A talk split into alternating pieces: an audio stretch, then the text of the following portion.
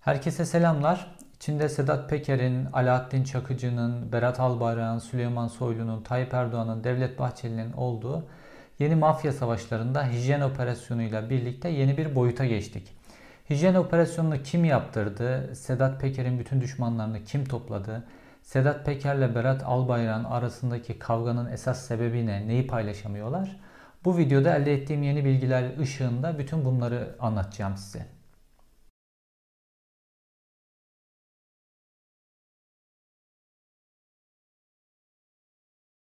Hijyen operasyonundan başlayalım.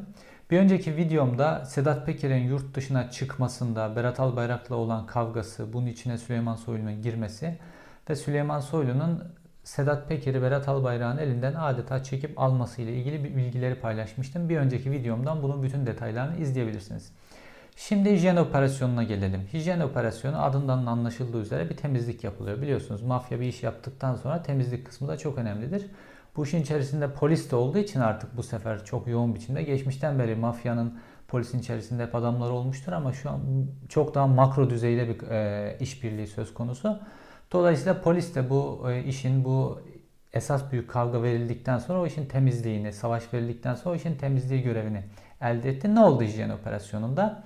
Sedat Peker'i e, ekranlara çıkıp işte video çekip YouTube'dan, Facebook'tan yayınlayan tiplerin hepsi yani bu değnekçi, ayakçı daha düşük seviyedeki tiplerin hepsini topladılar. Kim topladı? Burası çok önemli. Normalde bu tip operasyonlar yani böyle çok da büyük kişiler alınmadı bu operasyonda. Bu tip böyle çok büyük kişilerin alınmadığı operasyonları ve normal operasyonların hemen hemen tamamını il emniyet müdürlükleri yapar. Mesela İstanbul Emniyet Müdürlüğü gibi, Ankara Emniyet Müdürlüğü gibi fakat bu operasyondan sonra değişik bir şey oldu. İçişleri Bakanlığı bir açıklama yaptı. Böyle İçişleri Bakanlığı'nın da böyle her irili ufaklı operasyondan sonra açıklama yaptığı görülmemiştir.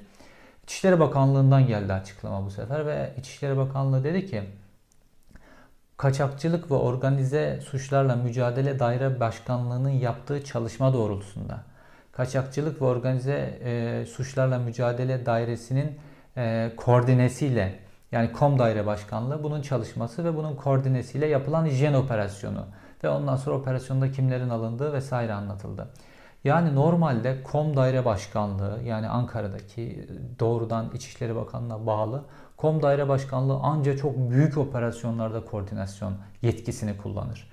Mesela nedir? İşte uluslararası bir uyuşturucu kaçakçılığı olayı vardır. Çok büyük böyle milyonlarca doların döndüğü ya da işte çok uluslararası bir suç vardır böyle bütün ülke ilgilendiren bir şey vardır ya da büyük bir terör saldırısı filan ya da başka bir suç, organize suç.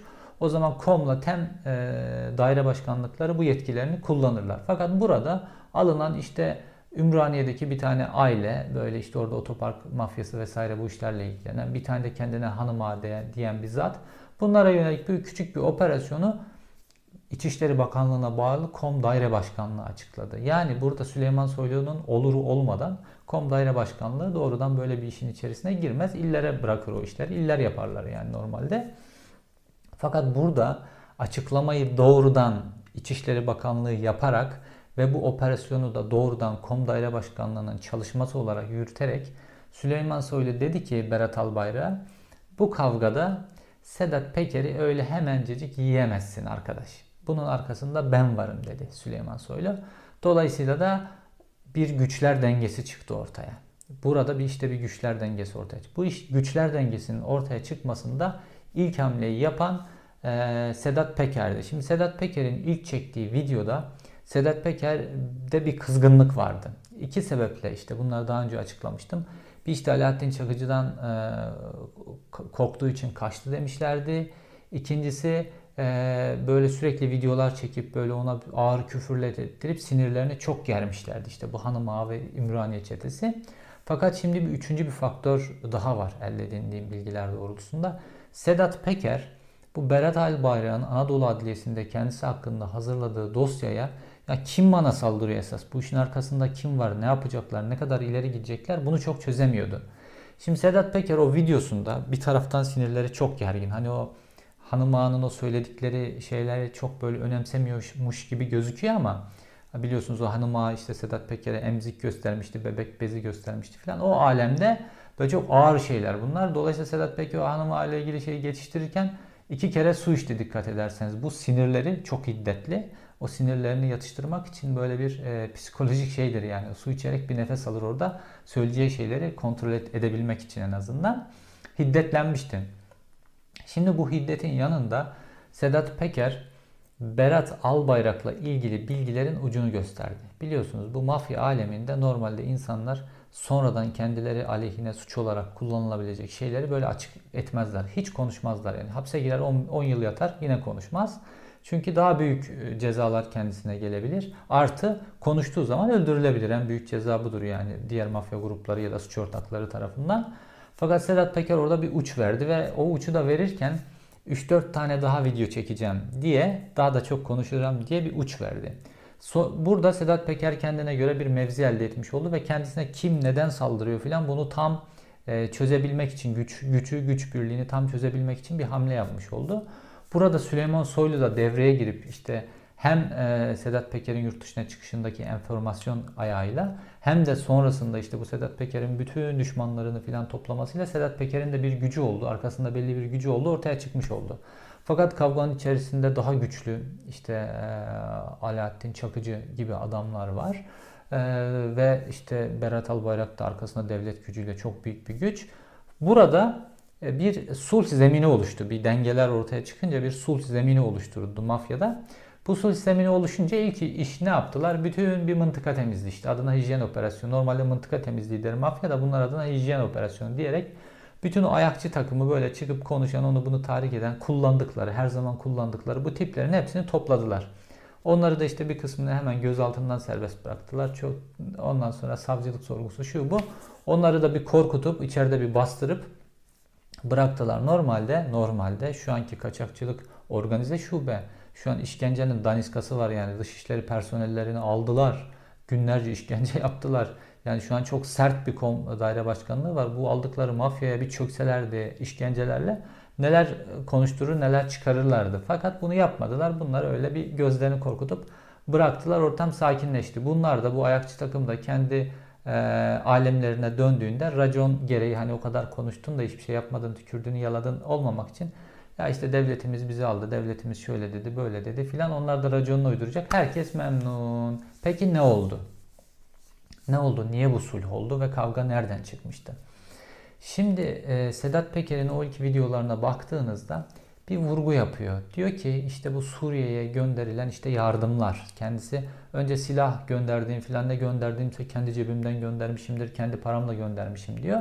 Sonra videonun sonunda ya yanlış anlaşılmasın silah değil ben insani yardım gönderdim filan diye hani olabilecek suçlara karşı hani ileride itiraf diye bunun önünü almış oluyor. Şimdi bir Suriye'ye bir malzemeler gönderilmesi işi var. Silah gönderilmesi işi var. Şimdi biliyorsunuz Suriye Savaşı'nın böyle çok alevli olduğu dönemde işte bu çok medyaya yansıdı. İşte Can Dündar'ın da başının derde girdiği tırlarla Milli İstihbarat Teşkilatı üzerinden Suriye'ye gönderilen silahlar var. Fakat bundan Milli İstihbarat Teşkilatı'nın da ağzı çok yandı. Şimdi bir ayakçı takımı kullanıyorlar bu işte. Kim bu kullandıkları ayakçı takımı? İşte kendilerine göre MIT'in Sedat Peker. Şimdi Sedat Peker üzerinden belli silahlar gönderiliyor. İşte tırlar gönderiliyor. İşte yardım denilen şey. Fakat bu, bu silahlar sonra bir ticarete dönüşüyor. Burada bir alan açmış oluyor Sedat Peker de aynı zamanda kendine.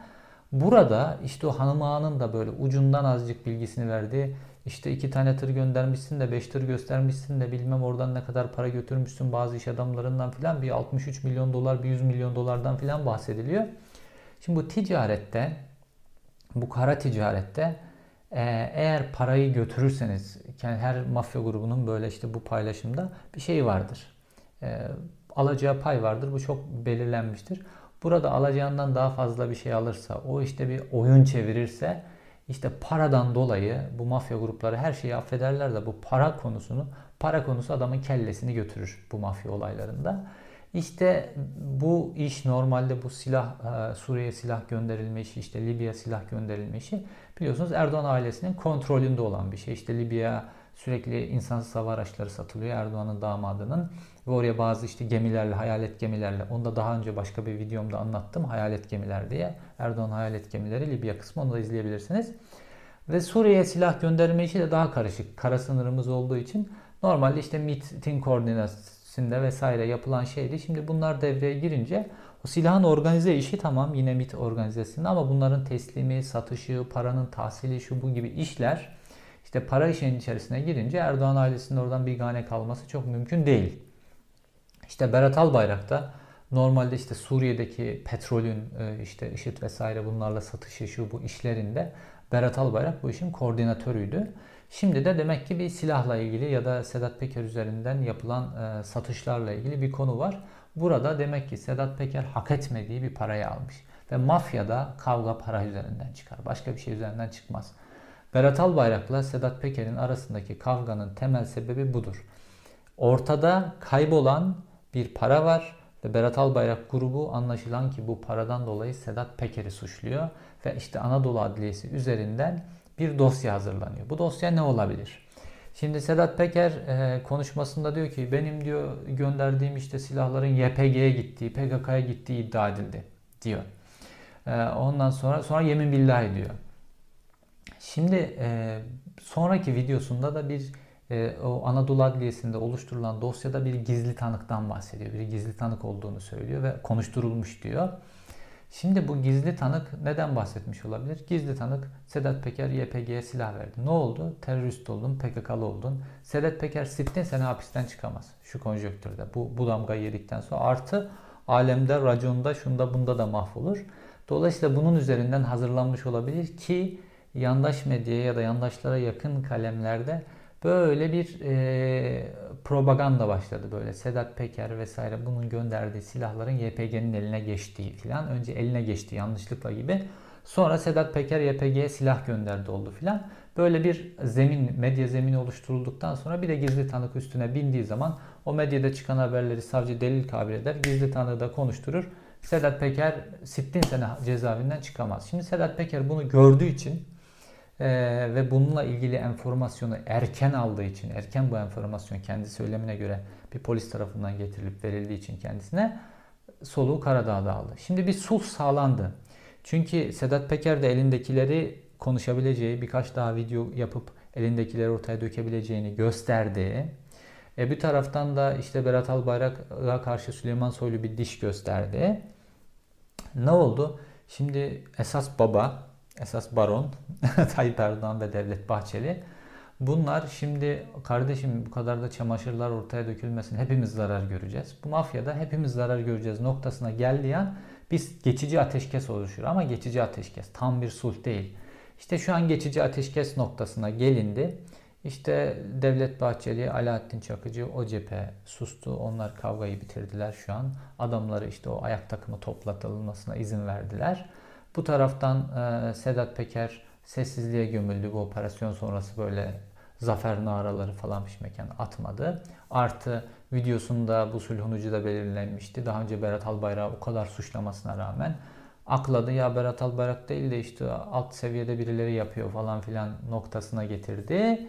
Dolayısıyla herkes böyle birkaç adım geri adım atıp bir geçici ateşkes ilan ettiler. Ama Şimdi burada bu geçici normal bu tip mafya arasındaki ateşkeslerde, sulhlerde herkes alacağını fazla almışsa şu bu filan birbirlerine tam tahsil edip bütün o işte kendi raconlarına göre tam bir hesaplaşma olmadan su olma o hesap bir yerde durur ve biri birinin kafasını keser.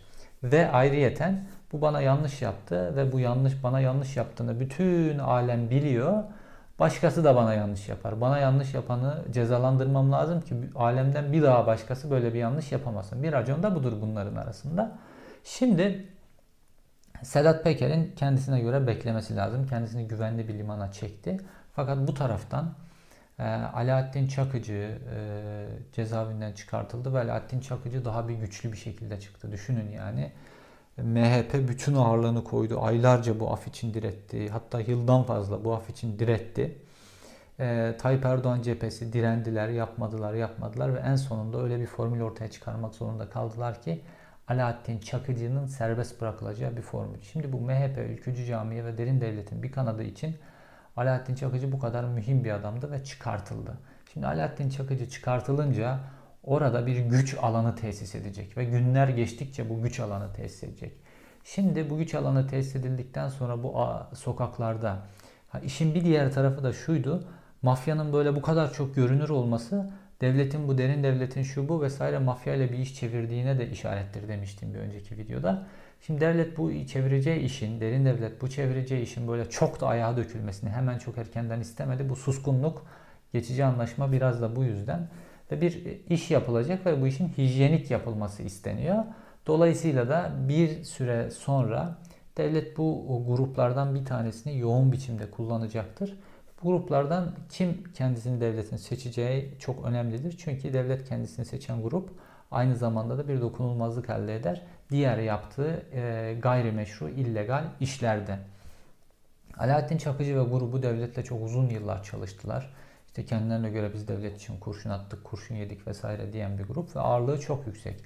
Ama Sedat Peker de son zamanlarda işte kendisi etrafında oluşturduğu böyle özellikle gençlerle oluşturduğu bir kitlesi var ve bununla bir ağırlık elde etmeye çalıştı. Fakat e, Sedat Peker'in arkasında olan esas güç ve Sedat Peker'i piyasaya pompalayan güç olan Veli Küçükler şu an e, e, çaptan düşmüş durumdalar. Fakat fakat Sedat Peker'in o videosunda, o Berat Albayrak'ı da böyle deşifre ettiği videosundan sonraki videoda Sedat Peker bir taraftan geri adım atarken bir taraftan da Ergenekon'u göreve çağırdı. Şimdi bu Ergenekon'u e, göreve çağırması kısmı çok önemli ve bunun üzerinde konuşulması gerekiyor. Bir sonraki videomuzda Sedat Peker nasıl Ergenekon'u imdada çağırdı bununla ilgili konuşacağız. Şimdi kendinize iyi bakın. Hoşçakalın.